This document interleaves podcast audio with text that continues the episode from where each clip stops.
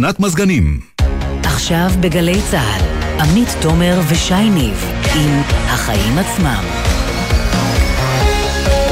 מה שקורה עכשיו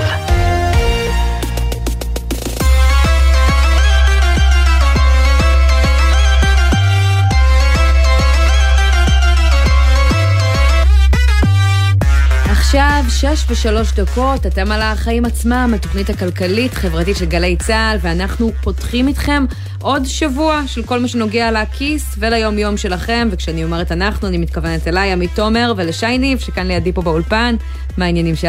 בסדר גמור, בסדר גמור. תשמעי, הייתי אמור להיות נורא מרוצה, לכאורה, מהכותרות שככה אה, צצו היום על תחבורה ציבורית אה, בשבת, אפרופו ההחלטה של, אה, של הממשלה להעביר סמכויות בענייני תחבורה לרשויות המקומיות. אבל... אבל, ספוילר, זה לא יקרה לדעתי.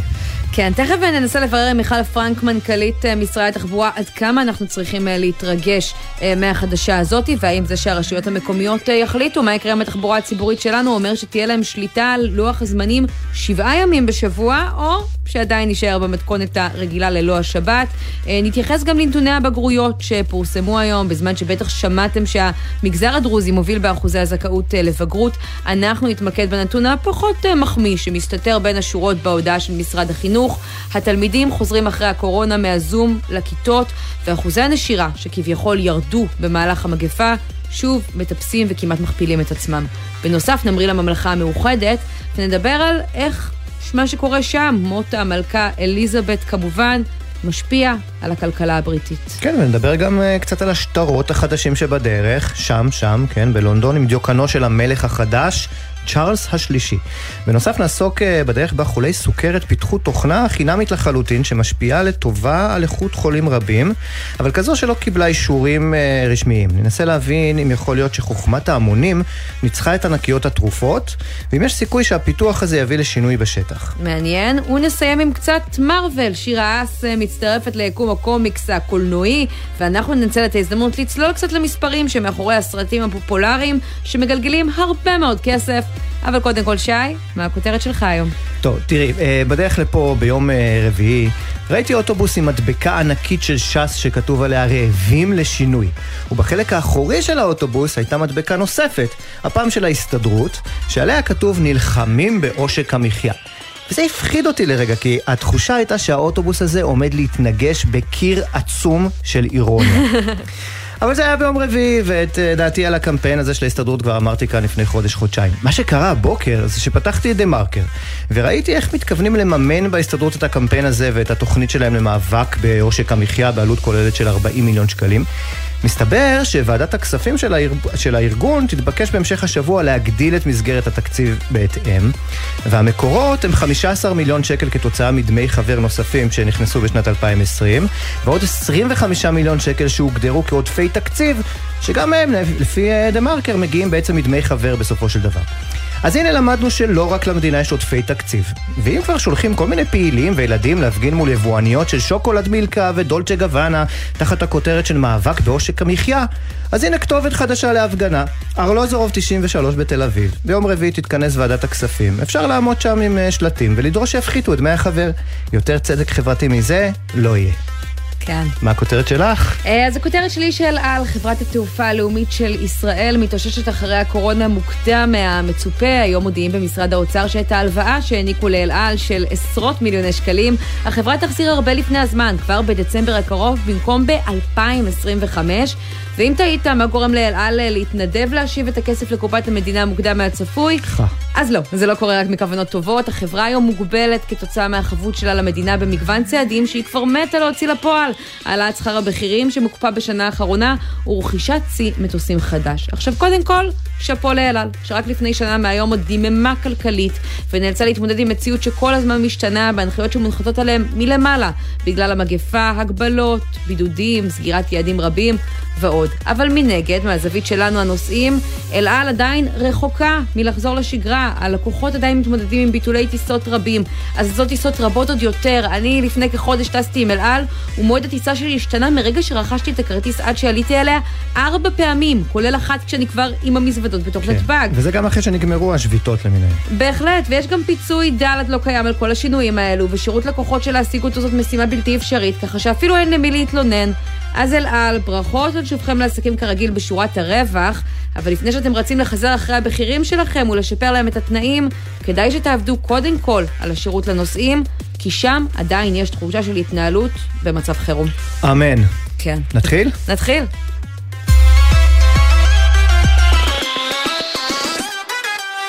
לפני כשבועיים שרת התחבורה מרב מיכאלי החליטה לגעת בתפוח האדמה הכי לוהט שיש במשרד שלה, תחבורה ציבורית בשבת, ואחרי יותר משנה בתפקיד במהלכה היא הסבירה לנו שאי אפשר להוציא את המהלך הזה לדרך בגלל חבריה לקואליציה, החליטה שחודשיים לפני הבחירות זה הזמן לשנות את הסטטוס קוו. עד שאנחנו מסכימות ומסכימים על משהו, יותר מ-70% בציבור היהודי והערבי גם רוצות ורוצים תחבורה ציבורית בשבת. יש לנו רוב בממשלה לתחבורה ציבורית בשבת. זה הדבר הכי נכון בעולם. עד שיש לנו כזאת הסכמה אדירה בינינו, לא נעשה את זה? על פניו נשמע מבטיח, לא? נשמע מבטיח אם אנחנו אה, יושבים ומדברים פה על אה, קמפיינים אה, של בחירות. את יודעת, הראשון בנובמבר ממש אה, מתקרב, וזה נשמע מבטיח כהבטחת בחירות, לא יותר מזה. כן, ומסתבר שזה גם לא יכול להתקיים. היא בעצם רצתה לקדם את הפעלת הרכבת הקלה בסופי שבוע, מה שאי אפשר לקדם בתקופת בחירות. אבל מה אפשר לעשות? להעביר סמכויות לרשויות המקומיות של התחבורה הציבורית באיראן, ככה שהן יוכלו לגבות תשלום גם מהתושבים שייסעו בשבת. היום נדמה שהממשלה עושה צעד בכיוון הזה כשהיא מאשרת את העברת הסמכויות לרשויות המקומיות, אבל רגע לפני שאתם זונחים מלאי תקווה את הרכב הפרטי, בואו נבדוק כמה הדרך לשם עוד ארוכה. איתנו על הקו מנכ"לית משרד התחבורה, מיכל פרנק. שלום מיכל. שלום, שלום. אז הצעד הזה שככה אישרתם היום כאישור ראשוני, תוך כמה זמן מגיע למצב שבו הרשויות המקומיות מקבלות את השרביט לתחבורה ציבורית, והאם על פי ההחלטה יהיה בסמכותן לאשר גם באמת את התחבורה הציבורית בסופי שבוע?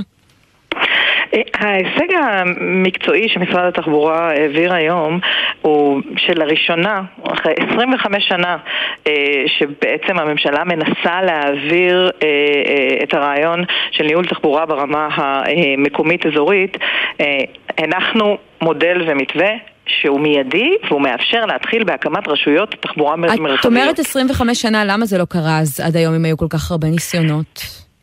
היו הרבה מאוד ניסיונות, המלצות, החלטות. האמת היא שבסוף מדובר בארגונים ואנשים. היה גם, נודה על האמת, היה קשה למשרד התחבורה לשחרר סמכויות, היה קשה לרשויות המקומיות להסכים ביניהם על, על מבנה של קבלת החלטות משותפת.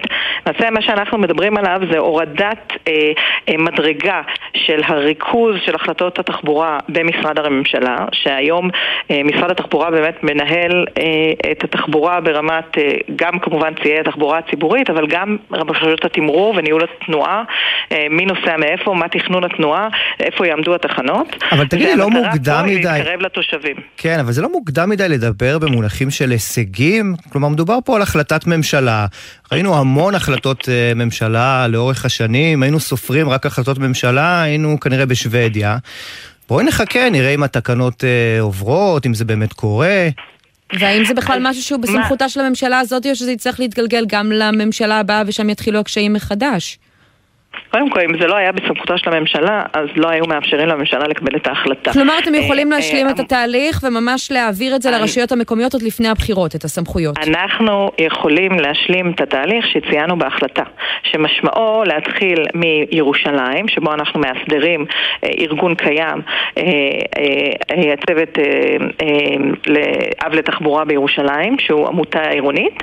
אנחנו בעצם הופכים אותו לרשות מרחבית, בשיתוף פעולה מלא ובתיאום עם ראש העיר משה ליאון, ויחד איתו נפעל להביא אלינו את השותפים בירושלים רבתי, ובמקביל לזה, בתיאום עם ראש עיריית תל אביב, להתחיל בביצוע ובהכנות וב, וב, וביצירת התקנות שמאפשרות להקים רשות מרחבית לתחבורה באזור גוש דן. יש לוח זמנים מאוד ברור בהחלטה, הוא לוקח בחשבון גם את הבחירות באישור ובליווי צמוד של משרד המשפטים, וזה ממש צעדים מעשיים שאפשר לעשות אותם כבר עכשיו, עם אה, סמכויות מאוד ברורות ומאוד אה, מתונות ומדודות. זאת אומרת, או, את לא מתכוונת? שופכים את התינוק עם המים. אה, אה, בין אה, 0 ל-1 יש הרבה מאוד באמצע. אז זה מחזיר אותי לשאלה המקורית שלי, האם יוקמו. בסמכויות המתונות האלה נכללת גם האפשרות לאפשר תחבורה ציבורית בשבת, או שאנחנו עדיין לא מדברים על זה? ההחלטה היום לא משנה את הסטטוס קוו לעניין שבת. ההחלטה היום מאפשרת לנו למעשה לקחת סמכויות שהיום הן בידי הממשלה, אה, משרד התחבורה, וסמכויות שנמצאות בידי רשויות אה, מקומיות עצמאיות, וכלפי מעלה, ומבחינתנו כלפי מטה, לתת אותם לרשות מרחבית, שתהיה לה מועצה שמורכבת מנבחרי הציבור אה, של הרשויות המקומיות, של העיריות, שהם יקבלו החלטות לגבי תכנון התחבורה ואופי התחבורה. אוקיי, אז אה, כשהשרה מיכאלי. אז כשהשרה מיכאלי אומרת, המהלך הזה יאפשר לרשויות לקבוע איך ומתי יפעילו תחבורה ציבורית, אנחנו הבנו שיש פה איזה רמז לתחבורה ציבורית בשבת, את אומרת לא, לא, לא, ממש לא. שישה ימים בשבוע הם אני- יוכלו לקבוע. אני, אתם מוזמנים לשאול את השרה מיכאלי, אני לא אה, אה, הפרשנית שלה, אני כן עובדת כדי לממש את המדיניות שלה, והמדיניות שלה היא תחבורה ציבורית אפקטיבית. ואנחנו גילינו כבר מזמן, וסוד גלוי הוא, אה, וכולם יודעים שזה הצעד הנכון, רק כמו הרבה דברים אחרים, בין הצעד הנכון לבין היכולת לקדם אותו, אה, יש פער. אנחנו הבנו שמה שנכון לעשות זה לשחרר מבחינתנו ולהעניק סמכות ברמת, בדרג המקומי, ושהרשויות יתאחדו ביחד, ישבו סביב שולחן אחד ויקבלו החלטות בשבילם. התושבת בפתח תקווה שעולה על אוטובוס ונוסעת לכיוון תל אביב, לא מעניין אותה שהיא עוברת באמצע אה, אה, אה, גבול מוניציפלי של בני ברק ורמת גן ואולי גם חלפה בגבעתיים. אה, התחבורה לא יודעת את גבולות המוניציפליים וזה בעצם מה שאנחנו אומרים פה, אנחנו מחלקים את הארץ למרחבים תחבורתיים שיש בהם היגיון תחבורתי שמראה אה, אה, בהתאם לדפוסי היוממות והצרכים של התושבים ומאפשרים אה, לרשויות המקומיות לשבת במועצה שלהם, שאגב זה עוד הבדל כן. גדול מאוד מטיוטות קודמות, אנחנו למעשה אומרים המועצה תהיה מורכבת מראשי הערים, מנבחרי הציבור שנבחרים אבל על ידי מיכל, אני התושבים מנסה להבין אם ככה. למה לתת להם סמכויות מוגבלות, בעיקר ממש באותו חודש שבו אתם אומרים, בשלה העת לתחבורה ציבורית בשבת, הממשלה מסכימה, ואפשר לעשות את זה, למה זה לא נכלל בהחלטה ברמת מדיניות? זהו, אז קודם כל הדברים אה, נפרדים, באמת חשוב לזה, הם לא, הם לא שוללים אחד את השני, אבל הם לא, אה, הם לא בהכרח קשורים אחד לשני. סוגיית אה, תחבורה ציבורית בשבת, יש סט של אה, חוקים, אה, נו- נורמות וסטטוס קוו אה, שחל עליהם. יש גבולות גזרה אה, בתוך זה שבהם ניתן לפתח תחבורה ציבורית בשבת, כמו שהשרה שלי דיברה עליה, ויש כאלה שעדיין מוגבלים וצריך לעשות אה, תיקוני חקיקה. כלומר, את זה אי אפשר לעשות היום- בתקופת בחירות. אני מניחה שלא נותנים לי, אבל אני באמת לא, לא, לא זו המטרה שלשמה אה, אני מדברת איתכם היום, כי רשויות מרחביות מאפשרות הרבה מאוד חופש, בעיקר להחליט מה נכון וטוב לתושבים שלהם. את, את מבינה? דבר... כן, כן, כן, תשלים. מה? לא, אני שואל, אני אומרת- שואל את עצמי אם את מבינה את, ה, את החשדנות בציבור, בתקשורת, כלפי כל מיני צעדים של המשרד, שאולי אה, חלקם או, או כולם אפילו אה, אה, מקצועיים אה, לחלוטין, אבל מצד שני, את יודעת, אנחנו רואים כל צעד כזה אפילו בנושא חשמול של הרכבת, הוא מיד מופיע בקמפיין של מיכאלי. אה, אה, קמפיינים של אה, אה, אה, פרסומות של משרד התחבורה מקבלות את הצבעים שמזוהים עם הקמפיין של מפלגת העבודה. הערבוב הזה יוצר חשדנות וחוסר אמון אולי. אני אה, מנהלת את המשרד כבר בערך שנה וחודשיים, שבמהלכם אנחנו עובדים אה, ועבדנו על אה, הרפורמה בתעריפים, שינוי סדרי העדיפויות, הסכמי תחבורה משתלמים ברמה העירונית שמקדמים תשתיות תחבורה אה, ציבורית ותוספות במיליארדים של אה, תחבורה ציבורית כדי אה, לקדם את זה, ורשויות מרחביות, שזו פריצת דרך. אם תשאלו אנשים שעוסקים בתחום, העובדה שאנחנו הבנו שדרך פקודת הת... התעבורה יש לנו סמכות להקים ולהכיר ברשויות מרחביות לצורכי תחבורה מבלי שנידרש לחקיקה הכבדה שיצרה הרבה מאוד התנגדויות, וככה אפשר להתחיל ליצור מציאות, ובמקביל לזה, על מנת להרחיב את הסמכויות, אנחנו נחוקק, תוך כמובן שיתוף ציבור הציבור והכנסת וכל מי שצריך. אבל, אבל אני לא חושבת שזה מה ששי שאל, הוא שאל אם זה לא קצת מרגיש לך אה, לא נוח, בתור גורם מקצוע, שהרבה מההחלטות, ולכן גם הייתה התעכבות על התחבורה הציבורית בשבת, כי זה מה שהשרה אה, הכתיבה כנושא מרכזי בימים אה, אלו, שרבות מההחלטות שמקבלים אז... מקצועיות גרידא, כמו הרכבת אה, שחוזרת אה, מנתב"ג, אה, באמת ככה מופיע בצורה מאוד דומה בפרסומים של משרד התחבורה, בפרסומים של המפלגה, ומרגיש שהעיתוי הוא, הוא סביב הבחירות בסופו של דבר. של דברים שאולי יכולים לקרות קודם. אני יכולה לדבר בשם העובדה, בשם עצמי, כמנהלת המשרד, והרשימה שנתתי לכם קודם היא חלקית מתוך כל העבודה המאומצת שאנחנו עובדים בה. העובדה ששנה פלוס אנחנו עובדים על דברים והם מבשילים עכשיו, אה, זו ברכה. כי בסוף תחבורה היא מרתון, ואם העבודה פה תיעצר כל פעם שיתחלף שלטון או שנהיה לקראת בחירות, אז אה, התחבורה לא תתקדם במדינת ישראל, וזו חובתנו כן. לקדם. אז יש לי שאלה מקצועית אה, אחרונה. אני רק כן. ככה טכנית רוצה להגיד לכם, הלכנו אחורה, זה אותם צבעים שהיו בקמפיינים של משרד התחבורה הרבה שנים אחורה, זה אה, אה, מקרי ולא רלוונטי, וכך קבעה גם אה, ועדה, ועדת הבחירות המרכזית. אז אני רוצה לסיום לשאול דבר אחד שכן כבר עשיתם, הרפורמה הגדולה בתעריפים של התחבורה הציבורית, עבר חודש מאז שהשקתם אותה. יצא לכם לבדוק האם זה השפיע על היקפי השימוש בתחבורה הציבורית? אה, אנחנו עדיין מחכים אה, אה, קצת יותר זמן שיעבור, אוספים את כל הנתונים, אבל מאחר וזה היה קיץ ואחר כך ספטמבר, אנחנו צריכים קצת יותר זמן לפני שאני אגיד לכם ככה מסקנות נרשות. אנחנו רואים דפוסי עבודה, אנחנו גם עשינו את סקר התחבורה הגדול, שבקרוב אנחנו נפרסם את, את תוצריו. המחיר הוא לא מרכיב שגורם לאנשים לא להשתמש בתחבורה הציבורית, כי היא גם ככה מסובסדת מאוד מאוד עמוק, כן. מעל 70 אחוז, ואנשים... מה שחובה עלינו זה לספק תחבורה ציבורית תדירה ואמינה. אה, יש לנו עוד דרך ארוכה לעשות, ולכך אני מקדישה את מרבית הזמן שלי פה במשרד, כדי לשפר רק תרגיעי אותנו לסיום, רק ממש תרגיעי אותנו. הבלמים ברכבת הקלה, פתרתם את הבעיה? אה, מיטב המוחות של החברות הבינלאומיות עובדות על זה, ואני מקווה שיהיו בשורות לנטע בקרוב. את שותפה לתחזית של יושבת ראש הדירקטוריון, שעדיין אפשר שהיא תעלה על הפסים בזמן, ב-30 בנובמבר? אנחנו עוקבים מקרוב ועושים כל מה שאנחנו יכולים יחד עם שותפינו באוצר כדי לסייע. אה, כרגע זה מה שנטע מדווחת. Mm. אה, אני חושבת שאנחנו... כי בעבר כבר היו פערים, את יודעת, בין הרגע שבמשרד התחבורה התחילו לחשוד במתי אה, בעצם ככה הרכבת הקלה תצא לדרך, לעד שנטע הודיעו על העיכוב. זכור לי בפעם האחרונה סאגה כזאת. כן, אז זה היה קצת לפניי. אה, אה, אין ספק שהפרויקט הזה הוא סופר מורכב, וגם תוך כדי הליכה מתקנים בו כל מיני דברים ולקחים שלמדנו אה, מהמכרז של הקו האדום ומשפרים את המצב בקו האדום, הסגול והירוק. לקח לו הרבה מאוד שנים, אנחנו נחכה ונראה, זה, זה מה שנקרא, אני מניחה שהדירקטוריון והחברה יודיעו לנו בקרוב. מיכל פרנק. סך הכל העבודה היא שקופה. מיכל פרנק, מנכ"לית משרד התחבורה, תודה רבה שהיית איתנו. תודה לכם.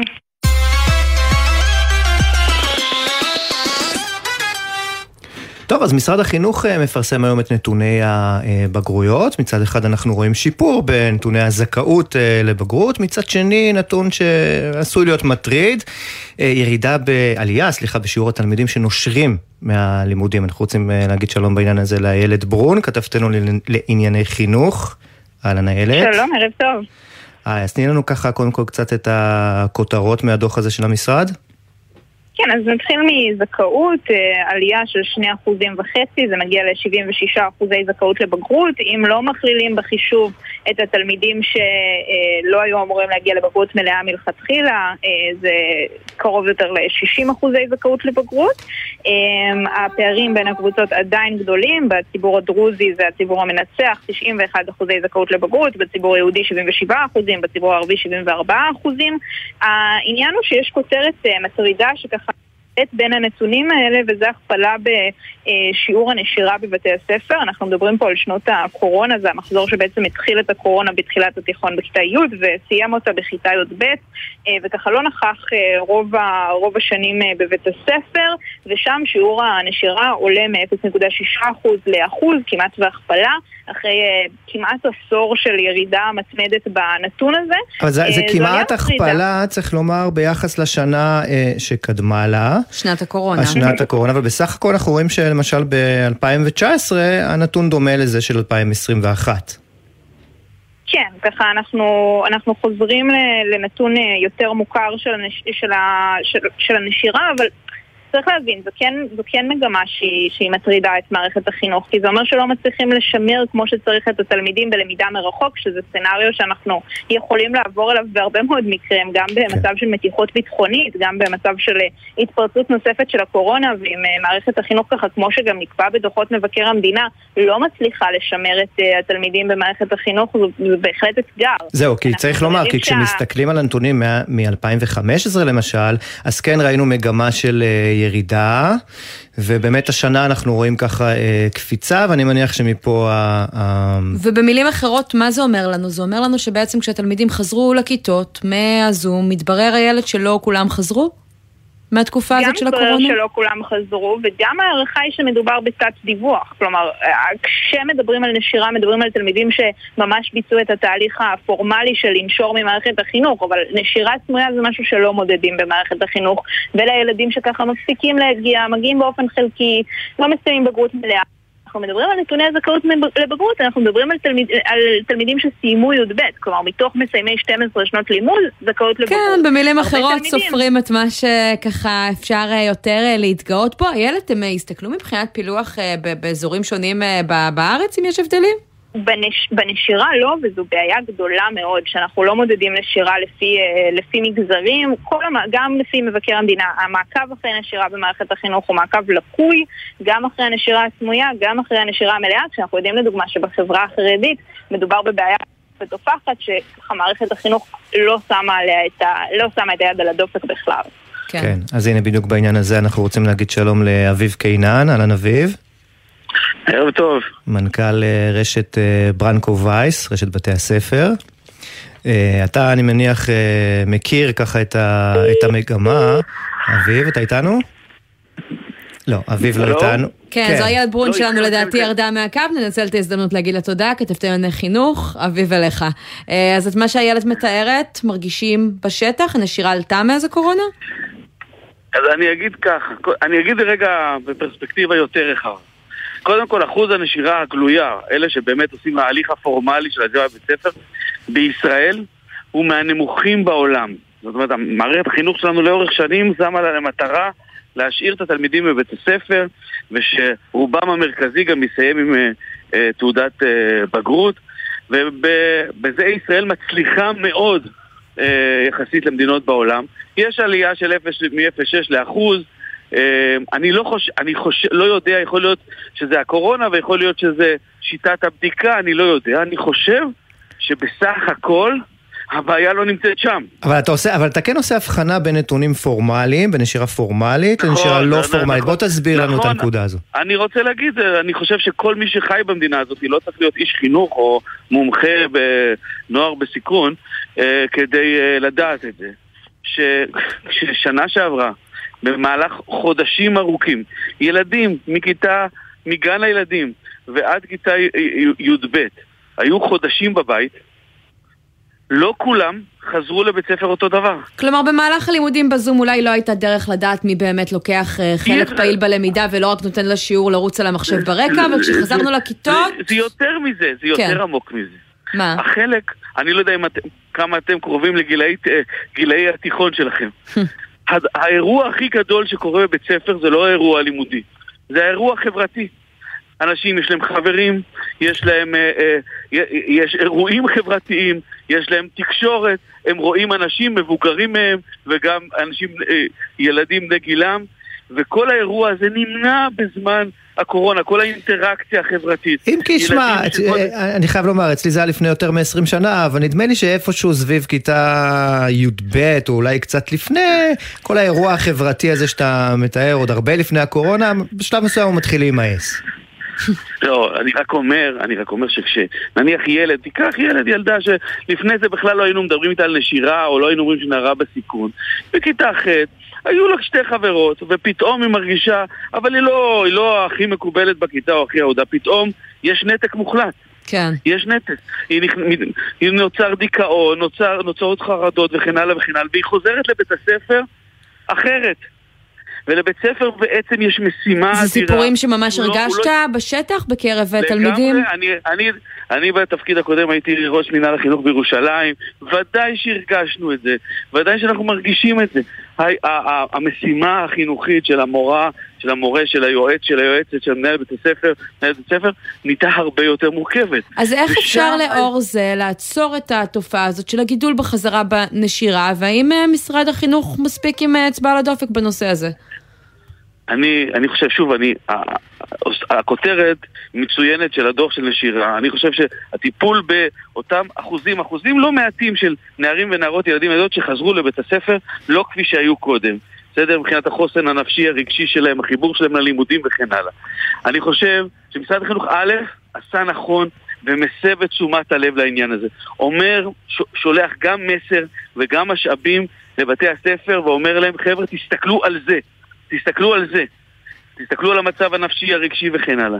הדבר השני זה לאמץ יותר ויותר מודלים חברתיים, חינוכיים, יצירתיים, שאינם הבית ספר, הש- השבלון הרגילה של בית ספר, כמו המודלים של ברנקו וייס, שאגב משרד החינוך הוא המממן המתקצב העיקרי שלו, התומך שאומר. מה? בואו נזכיר, מה זה המודל? שאומר, אנחנו בבתי הספר שלנו, שהם בתי ספר של הזדמנות שנייה, מלמדים בכיתות יותר קטנות, המחנכים נמצאים הרבה עם התלמידים, הם עושים גם עבודה רגשית, הולכים הביתה, אנחנו עוסקים בנושא התעסוקה של התלמיד וגם בנושא של החינוך הבלתי פורמלי וכולי וכולי, זה מודל חדשני, יוצא דופן, כן. הילדים אצלנו למרות שהם נשרו הם, אה, והגיעו אלינו אחרי, הם כבר, הם, אה, הם מגיעים להישגים, מתגייסים, עושים בגרות מלאה וכן הלאה. כן, טוב, זה לא יהיה זה פשוט מודל לאמץ אה, מודל של כיתות קטנות, קטנות. בטח לא מחר אה, ידרוש עוד בבוקר. כמה רפורמות וכמה רגע, הסכמים רגע. עם המורים. כן, לסיום, לא, כי אני גם אנחנו... לא אומר להקים, רגע, רגע, רגע, אני מוכרחים גם לא לצאת אומר?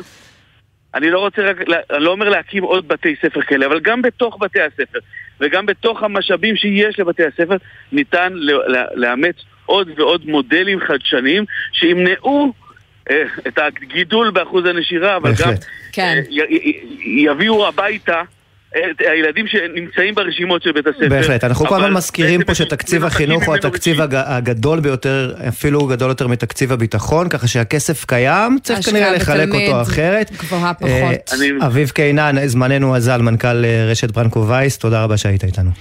תודה רבה לכם.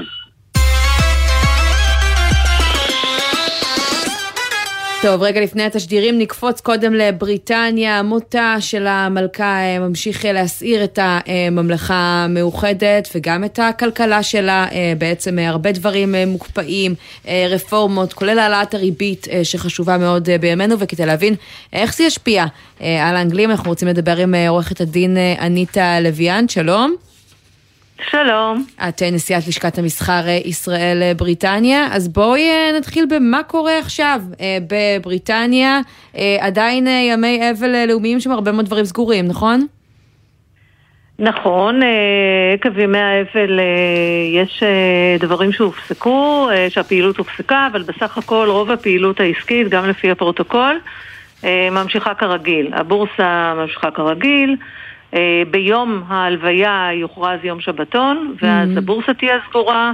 אה, למעשה העסקים יהיו סגרים ביום השבתון, אבל עד אז אה, למעשה העסקים מוזמנים לפעול לפי תחושתם ולפי בחירתם. ועם זאת, הבנק המרכזי של אנגליה, שאחראי על המדיניות הפיננסית במדינה, מודיע שדוחים שם את ההודעה על העלאת הריבית. בכמה זמן? נכון. נכון, אה, עקב האבל, אה, בפני הבנק המרכזי באנגליה עומדות החלטות קשות, המצב הוא אה, מאוד מאוד מאתגר. אז מה זה, אה, זה ולכן- לדלל את אה, מינון המכות שהממלכה אה, סופגת? לא, לא יודעת בדיוק מה היו השיקולים, אבל באירוע דרמטי כזה יש תגובות שונות. אגב, כל השירות הציבורי ממשיך במטלות היומיומיות שלו, אבל לא, לא מופיעים ולא עוסקים בעניינים שוטפים. הבנק החליט לדחות את ההחלטה בשבוע נדמה לי, הם נתנו איזשהו מועד. אה, כן, עד בעוד ה-22 שבוע. בספטמבר, כן. עד, בדיוק. ב-22 בספטמבר הם, יקב, הם אה, יתכנסו שוב אה, לקבל את ההחלטה. כן, אה, במקביל היה עוד איזשהו אירוע שהוא דווקא היה יפה, ששביתות מתוכננות אה, בוטלו אה, לשבוע. איזה שביתות אה, תוכננו? גם, אה, הייתה שביתה מתוכננת של אה, עובדי הרכבת, שהייתה אמורה לגרום לנזק אה, גדול, כלכלי, כדרכם של שביתות מהסוג הזה, ועוד איזה שהם איגודים, הם החליטו אה, לדחות את ה... הפעילות הזאת מתוך מחווה לסיטואציה. אז מצד אחד אנגליה אה, מתגייסת, מצד שני זה משפיע גם על אה, מי שככה רק נכנסה למשרה החדשה שלה, ראשת הממשלה ליז טרס, שבעצם ככה הרפורמה הגדולה שהיא תכננה לכלכלה האנגלית, התוכנית הכלכלית הראשונה שלה, מוקפאת, נכון? נכון מאוד, היא לא בדיוק, היא מוקפאת זמנית, היא נכנסה על בסיס קמפיין אה, שהראה אה, אוזן קשבת לצרכים של העסקים, אגב, זה די הבית. מדהים שהיא נכנסת על סמך קמפיין, רק מושבעת לתפקיד ובשבוע אחרי מה, במציאות רגילה, הרפורמה הענקית שלה בהשקעה של 150 מיליארד פאונד כבר הייתה אמורה לצאת אה, לדרך? לא, ממש לא, אבל אנחנו גם יודעים מהניסיון שלנו שמערכות בחירות מלוות ברעיונות וכיוונים ועמדות. אז מה המשמעות של ההקפאה הזאת? אבל לוקח זמן לתרגם את זה. אין, אין, זאת לא הקפאה שעכשיו אה, מקפיאים את הכל. אותה החלטה שהיא כן הספיקה לעשות במהלך היומיים האלה, שמדברת על אה, נושא של אה, הקפאת אה, אה, יצירת קאפ, גג, לתקרה לחשבונות החשמל, אה, היא כן קיבלה, וה... והם אומרים שזה ייכנס לתוקף באוקטובר, וזה כן ייכנס לתוקף למרות הכל. שמשמעות ההחלטה היא מה לשים תקרה לכמה תעריפי החשמל מתייקרים? כן, שלא יהיה מעל אה, סכום מסוים, אני לא זוכרת בדיוק את הסכום הזה, למשקי בית ולעסקים אה, אה, מבחינת החשמל. זה מאוד מעניין איך יעשו את זה אגב, כי חברות החשמל תלויות בספקים, במחירי האנרגיה שהם רוכשים, במשאבים. אבל uh, כנראה שיש שם איזושהי תוכנית. אני מאמינה שלאחר תקופת האבל יתכנסו כל הגופים שאחראים על הדבר הזה ויתחילו לתרגם את התוכנית שהיא תוכנית שהיא אה, כוללת הרבה מאוד רכיבים, אה, כן. ייכנסו לרכיבים של התוכנית ו... יחליטו איך טוב, באמת... טוב, אז נשמע אה, שזאת רפורמה ככה נחוצה לימים אלו שאולי אצלנו צריכים ללמוד ממנה. לסיום, אני רוצה לחזור לעניין של המלכה. אחד מפרוטוקולי הטקס זה שגם ברגע שמתחלף מי שעומד בשלטון, מתחלפים גם השטרות. מתי זה צפוי לקרות? צ'ארלס ראשון בעצם יציץ עלינו ככה מה... שטרות שלנו? ש...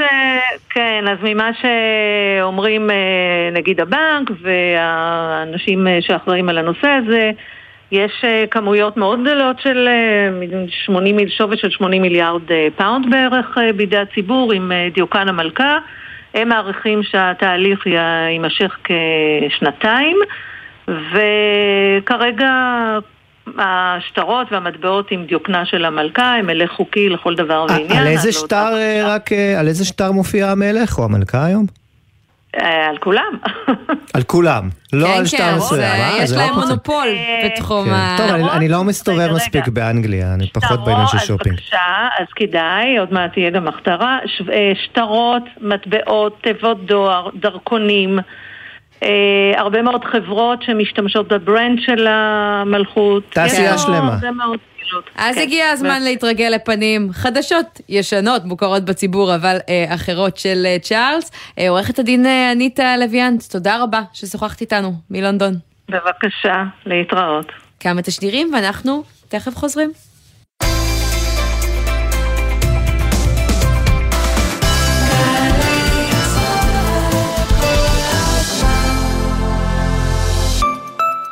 מהאולפנה והתיכון למשרד הביטחון. אנחנו מבטיחים לך תפקיד איכותי ועתיד משמעותי בליבת העשייה הביטחונית של מדינת ישראל. מצוינות וציונות הן אצלך בנשמה? בואי לשירות לאומי משמעותי במשרד הביטחון. במגוון תפקידי ספר סייבר, טכנולוגיה, הדרכה, לוגיסטיקה, משאבי אנוש ותקשורת. ותוכלי להיות חלק מן העתיד הביטחוני של המדינה ושלך. ההרשמה לשירות הלאומי החלה. פרטים באתר עמותת של שילה, עמותת בת עמי, עמותת שלומית שילת ומשרד הביטחון.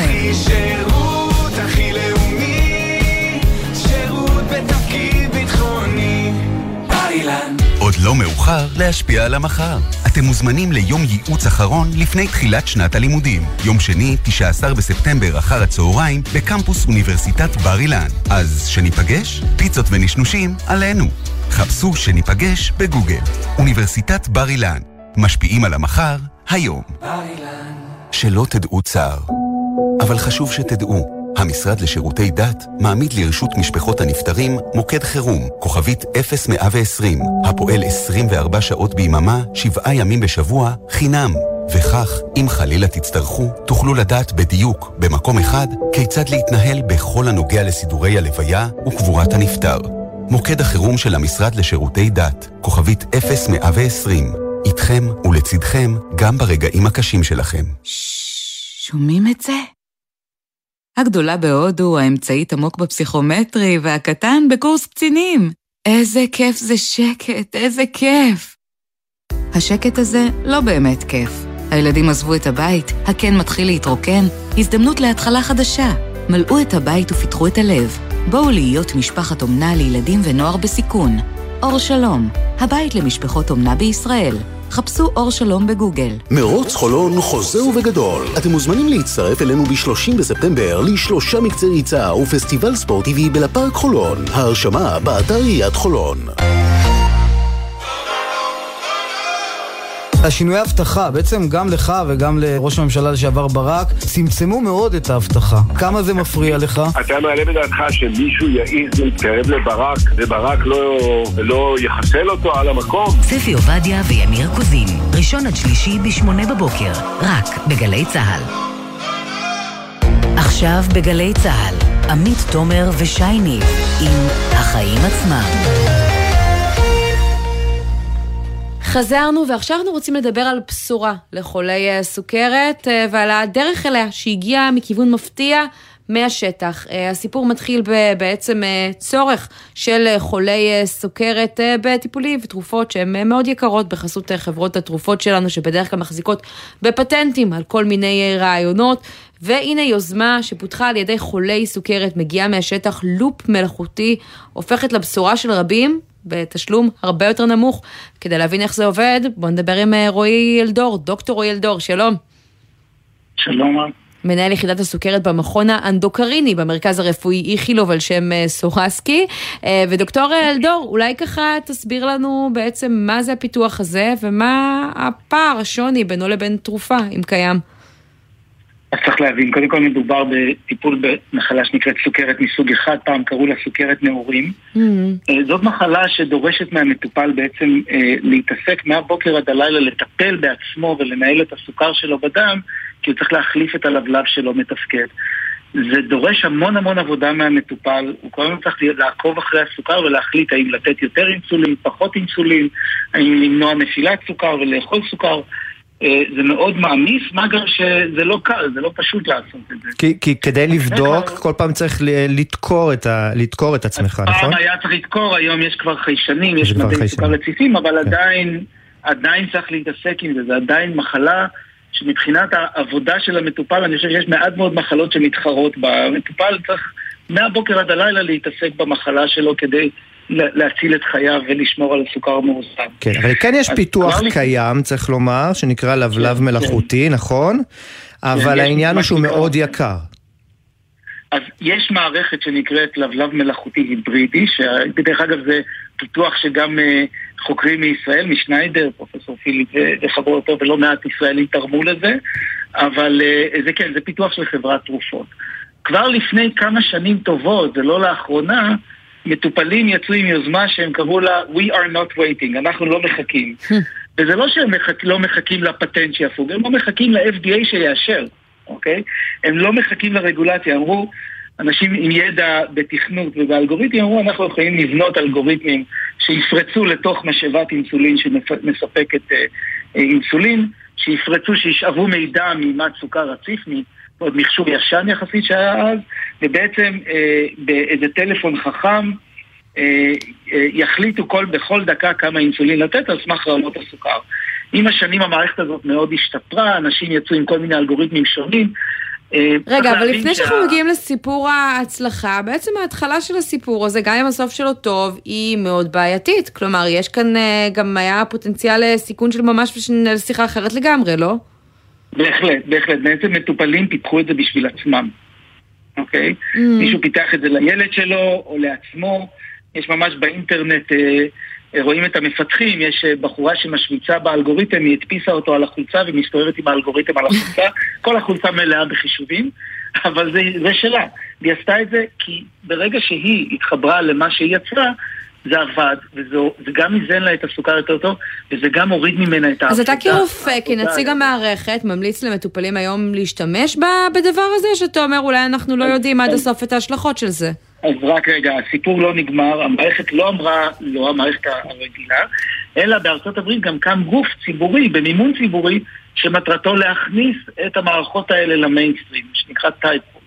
אז, אז כך שהמערכת כן מנסה לקלוט את זה, ואחד מהדרכים, לדוגמה, אתם רואים את המחקר הזה שפורסם, שבאמת מחקר שבו השתמשו במערכת לופ מול המערכות הקיימות, והראו שהמערכת עובדת. מה הבעיה עם מערכת לופ שלי כרופא להמליץ עליה? שבאמת היא לא באה עם, עם גב של חברת תרופות שתומכת בה, אוקיי? אה, גם אני לא, באמת יש עכשיו מחקר שהראה שזה עובד יפה, אבל מערכות לופ יש מגוון, ובסוף המטופל יצטרך גם לדעת להתקין לעצמו את המערכת, גם לתמוך בה אה, כשהיא לא עובדת. יש אבל איזושהי ביקורת, כן, אבל יש איזושהי ביקורת אמיתים שהפיתוח הזה עבר, למרות שזה לא אה, ככה אה, אה, חברת תרופות שנותנת את הגב. זה, זה, בדיוק, זה בדיוק מה שקרה עכשיו, מה שקרה עכשיו זה הקהילה המדעית מחבקת בשתי ידיים מחקר שנעשה על המערכת הזאת, שהיא כמובן קוד פתוח וזמינה לכולם, מי שרוצה מוריד אותה מהאינטרנט, אבל בעצם המחקר הזה שבוצע הראה שהמערכת עובדת ועובדת טוב, וגם כמובן כשעושים מחקר הוא מראה בטיחות מסוימת, ולא סתם, זה לא סתם מתפרסם בעיתונות המדעית, זה מתפרסם בעיתון הכי חשוב ברפואה היום, בניו אינגלנד, אוקיי? זאת אומרת, ועד כדי כך הקהילה המדעית מחבקת את המאמץ הזה של מטופלים לעזור לעצמם, ולא אומרת לא, לכם אסור, רק לנו מותר, אלא בואו ננסה לעזור לכם, כי בסוף מה שחשוב, שהדבר הזה יגיע לכולם. ושכל מטופל עם סוכרת מסוג אחד יוכל להתחבר למערכת של אה, טבלב מלאכותי. איך קורה? אבל אתה יודע, הזכרנו קודם את ארצות הברית, ואנחנו לא ארצות הברית, אתה יודע, בכל זאת אנחנו מחלוצי אה, אה, חוק פיתוח בריאות ממלכתי, סל שירותים די עשיר בסך הכל באופן יחסי, הרי לא הכל מושלם. איך קורה שקבוצה שלמה של חולים בסוף נאלצת להישען על איזשהו פתרון שהוא, אתה יודע, הוא חצי מאולתר? תראה, עד היום במיינסטרים, בחברות התרופות, לא היה פתרון. זאת אומרת, הפתרונות שאנחנו מדברים עליהם, של הבלב מלאכותי היברידי שפותח על ידי חברת תרופות, זה בשנה, שנתיים האחרונות, זה לא כן. לפני חמש, עשר שנים, אוקיי? אה, ובאמת זה עבר אה, מחקרים מאוד אה, משמעותיים, להוכיח שזה בטיחותי. ושזה יעיל גם. אגב, רק כדי שנקבל ככה קצת פרופורציות על הבלב המלאכותי שמפתחות חברות התרופות, כמה הוא עולה, כמה מטופלים חוסכים פה. אז מטופל, שוב, זה נורא תלוי, כי מערכת הבריאות הרי זה יותר מטופל וכמה מוציאים עליו, אבל מטופל שקונה את זה פרטי לחלוטין, זה כן. מאוד מאוד יקר. גם המערכת עצמה, אם נתרגם את זה לשקלים, זה כמעט 20 אלף שקל, ואז הוא צריך להשקיע עוד בחיישנים וכל מיני דברים כאלה. כמובן שבישראל מטופלים אה, לא מעט מקבלים כבר חיישנים מסוגים שונים במסגרת הסל, כן. משאבות אינסולין במסגרת הסל, אה, כך ש...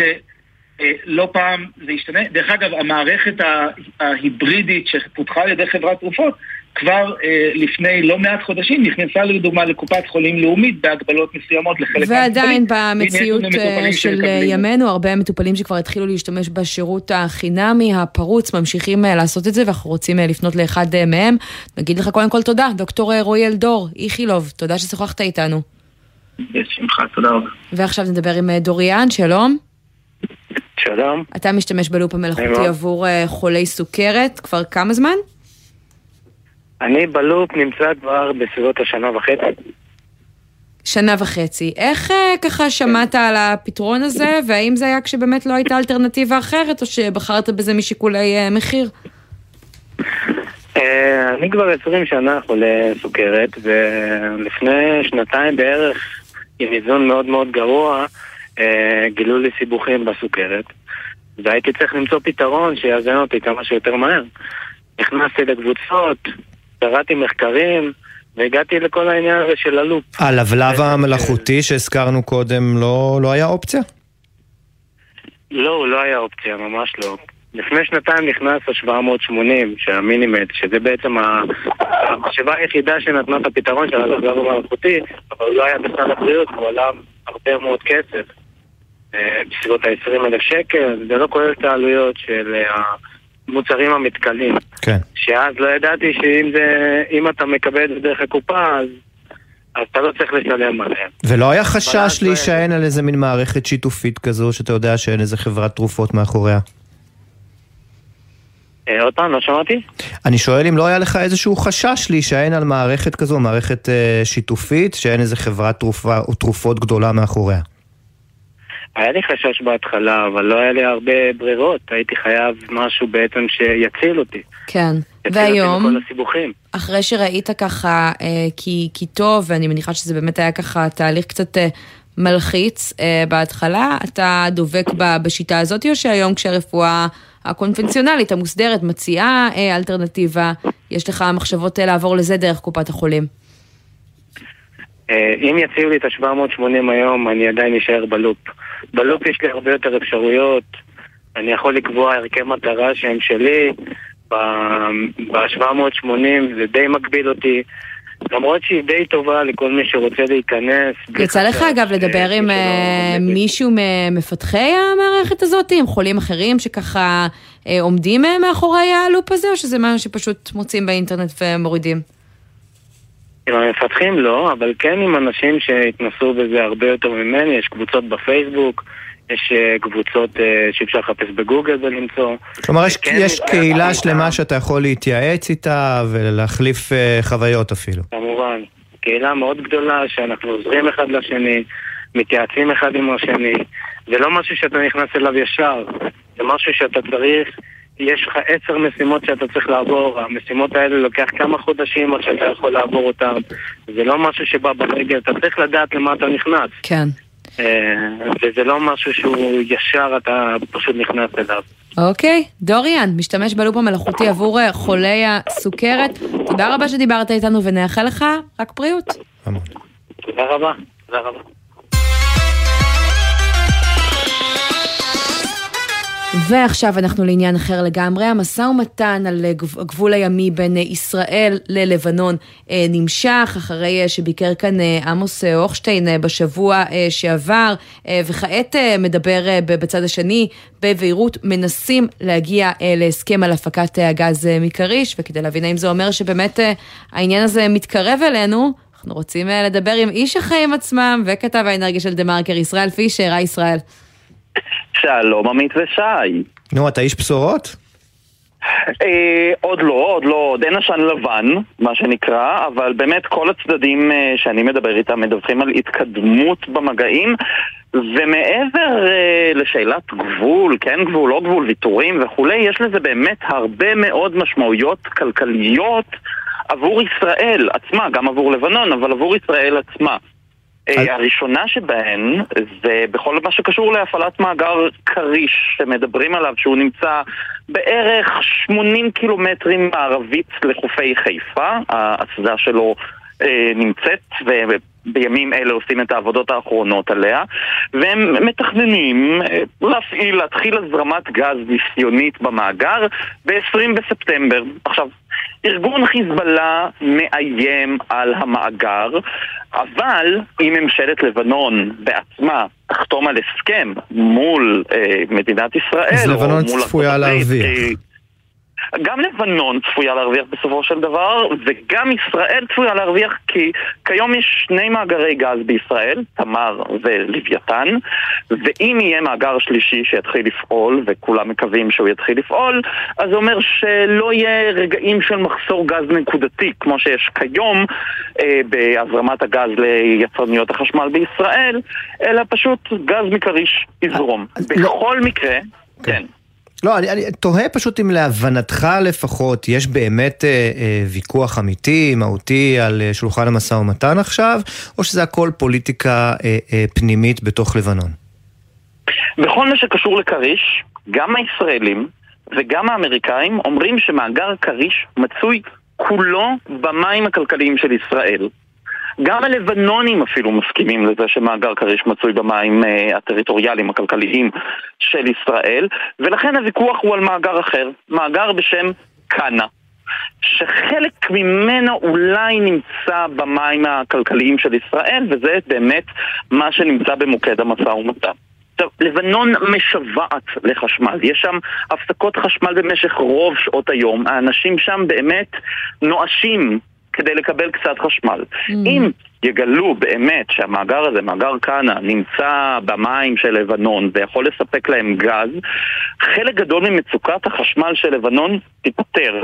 ואפילו חברות בינלאומיות כמו טוטל הצרפתית רוצות אה, בעצם לחפש שם את הגז, רוצות בעצם אה, להוציא אותו מהאדמה ולהזרים אותו ללבנון, לא יודעים עד מה המחירים, אבל במשא ומתן בעצם מנסים לקבוע עכשיו מהו מנגנון הפיצוי לישראל. כמה כסף ישראל תקבל על הגז שנמצא חלק לא גדול או קטן, זה תלוי במשא ומתן, במים הכלכליים של ישראל. כן. בכל מקרה, מאגר כריש נמצא בידי ישראל. יש איזה דדליין לסיפור הזה, או שזה עוד יכול להימרח?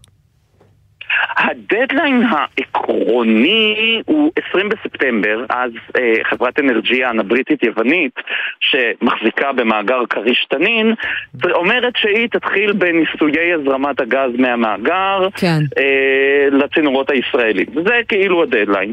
אבל יש פה גם שאלה לגבי מאגרי גז עתידיים שאולי יתגלו בישראל. Mm. כיום ב, אה, ב, בשבועות הקרובים משרד האנרגיה צריך לפרסם את אה, המכרז לחיפושי גז נוספים בישראל, אותו מכרז שנוי במחלוקת ששרת האנרגיה אלהרר הודיעה עליו במאי. כן. ובמסגרתו אה, צריכה להיות השאלה מי החברות שיוכלו לחפש פה גז, והאם מונופול הגז הישראלי יוכל להיחלש. בהחלט. מונופול הגז, שברון האמריקאית כן. ודלק קידוחים. אבל קודם כל. באמת ככה צריך לפתור את הסוגיה אה, הבוערת הזאת כדי להבין האם באמת ככה גם בלבנון וגם אה, אצלנו יוכלו ליהנות מהגז אה, הזה. אה, החלטה שאנחנו שומעים היום על צעד אה, בכיוון אה, אליה, אולי אה, בימים הקרובים נשמע גם על יותר. ישראל פישר, כתב האנרגיה של דה מרקר וחברנו, תמיד כיף איתך, תודה. להתראות, ביי ביי.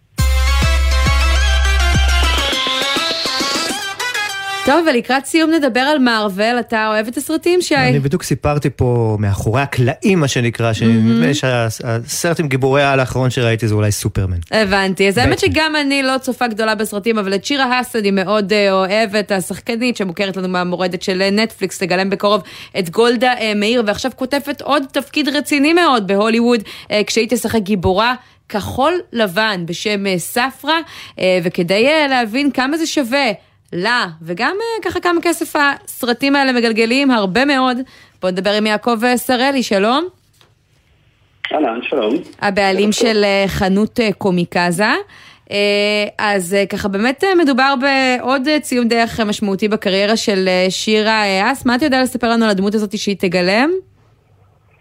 אה, סברה היא בעצם אה, דמות אה, קומיקס גיבורת על ישראלית שהוצגה בשנות ה-80 על ידי מארוול, אה, והיא פשוט מוטנטית, שזה חלק מאוד חשוב מארגון של מארוול, שהיא גם סוכנת מוסד, גם גיבורת על, היא הופיעה לאורך השנים בכמה חובות קומיקס של החברה. אה, כוח לא מבוטל, היא הצליחה לעמוד בק- בקרב מול הענק הירוק, שהוא אחד ה... באמת הגיבורים החזקים יותר של קום מארוול. כלומר, לא רק שחקנית ישראלית אנחנו נראה על המסך, אלא ממש גיבורת על ישראלית אה, חזקה, ככה איזשהו אה, מותג אה, של סוכנת מוסד, שזה גם ככה נחמד שנהיה לה אה, מפה הבינלאומית הזאתי, אבל זה לא יתרום רק לקריירה, זה יתרום לה גם לכיס, נכון? כמה כסף בעצם מקבלים להשתתפות בסרט הזה, זה לא סכומים שאנחנו מכירים בישראל.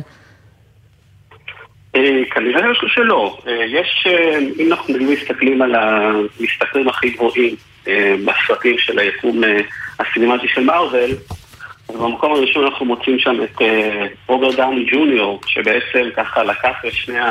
על הגב שלו אה, בשנים הראשונות את כל היקום הסינמטי של החברה. והוא באורך כל הסרטים שהוא עשה, הוא הרוויח 75 מיליון דולר, שזה לא מעט כסף. אה, ואחרי זה אפשר למצוא את סקאי ג'ואנסון שזכה בכמה סרטים בתור אה, בלק וידו, המנה השחורה, אה, 30 מיליון, זאת אומרת, הסכומים של השחקנים המובילים, הגדולים, כן. הוא לא, הוא לא, הוא לא, לא קטן. כלומר, לא בטוח ששירה אס נחשבת בשורה הראשונה הזאת של השחקנים שככה ציינת, אבל בוא נגיד היא בטוח במקום אה, טוב, שגם אם הסכום הוא בוא נגיד חצי מזה, אז אה, מצבה אה, כנראה לא רע בכלל, וזה מתאפשר כי הסרטים של מרוויל מגלגלים הרבה מאוד כסף, נכון? מיליארדים. נכון מאוד. אה, בעצם חברת מרוויל, חברת הקומיקס, נכנסה בשנת 2019. 2009 על ידי אה, דיסני. אה, וזה בעצם נתן לדיסני אה, גישה ליותר מחמשת אלפים דמויות, שבתוכם הם יכולים פשוט להתחיל עכשיו לייצר כל מיני זיכיונות. והכסף הגדול נמצא במרצ'נדייז, מה שנקרא. כן. במסביב. גם במרצ'נדייז, אבל גם בסרטים. זאת אומרת, זה עלה להם 4 מיליארד, וכל הסרטים האלה, לאורך עשר שנים הראשונים, הכניסו 22 מיליארד. בקיצור, כגודל הגאווה, כך גודל אה, כמה שהתעשייה הזאת מגלגלת. והשירה יעקב שרלי, תודה רבה שדיברתם איתנו, ונגיד תודה גם לבן נצר שערך את השידור הזה, לתומר ברקאי ולירון מטלון שהפיקו, גיא קפלן על הביצוע הטכני, ומאיה אורן עורכת הדיגיטל. אני עמית תומר, שי ניב, תודה רבה. בחסות אנשור פלוס אדוונס, המסייע לשמירה על הכוח וההגנה הטבעית. אנשור פלוס אדוונס, שאלו את הרופא או את הדייתן. בחסות מחסני חשמל, המציעה מבצע על כל מזגני הווי-פיי החכמים, וגם חמש שנות אחריות מלאה על ההתקנה לכל המזגנים. בחסות עולם הקולנוע, המציעה לכבוד החג. מדיח כלים בוש ב-1799 שקלים. איפה? עולם הקולנוע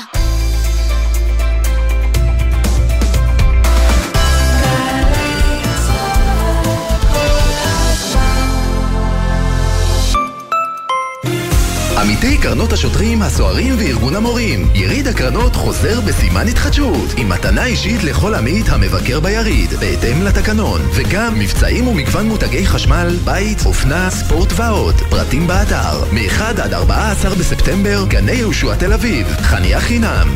יש דברים שנדווח עליהם מיד, כמו פריצה לדירה, או פריצה למאגר מידע. חברות וארגונים המנהלים מאגר מידע, שימו לב, פרצו למאגר המידע שלכם? מידע אישי דלף ממנו? בכל אירוע אבטחת מידע חלה עליכם חובה על פי חוק לדווח מיד לרשות להגנת הפרטיות, והיא תסייע לכם בהתמודדות עם המשבר ובצמצום הפגיעה. לדיווח, היכנסו לאתר הרשות או חייגו כוכבית 3103. הרשות להגנת הפרטיות, משרד המשפטים. אתם קולטים עובדות ועובדים חדשים בתעשייה ובהייטק. אנחנו מעניקים כמאה מיליון שקלים. אתם קולטים?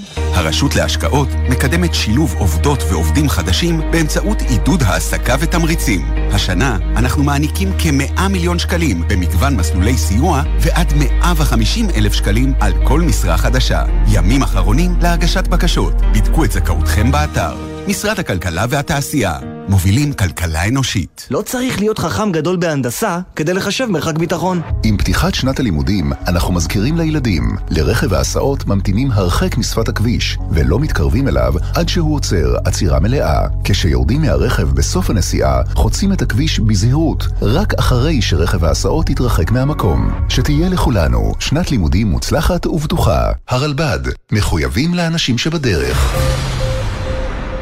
מיד אחרי החדשות, נורית קנדי.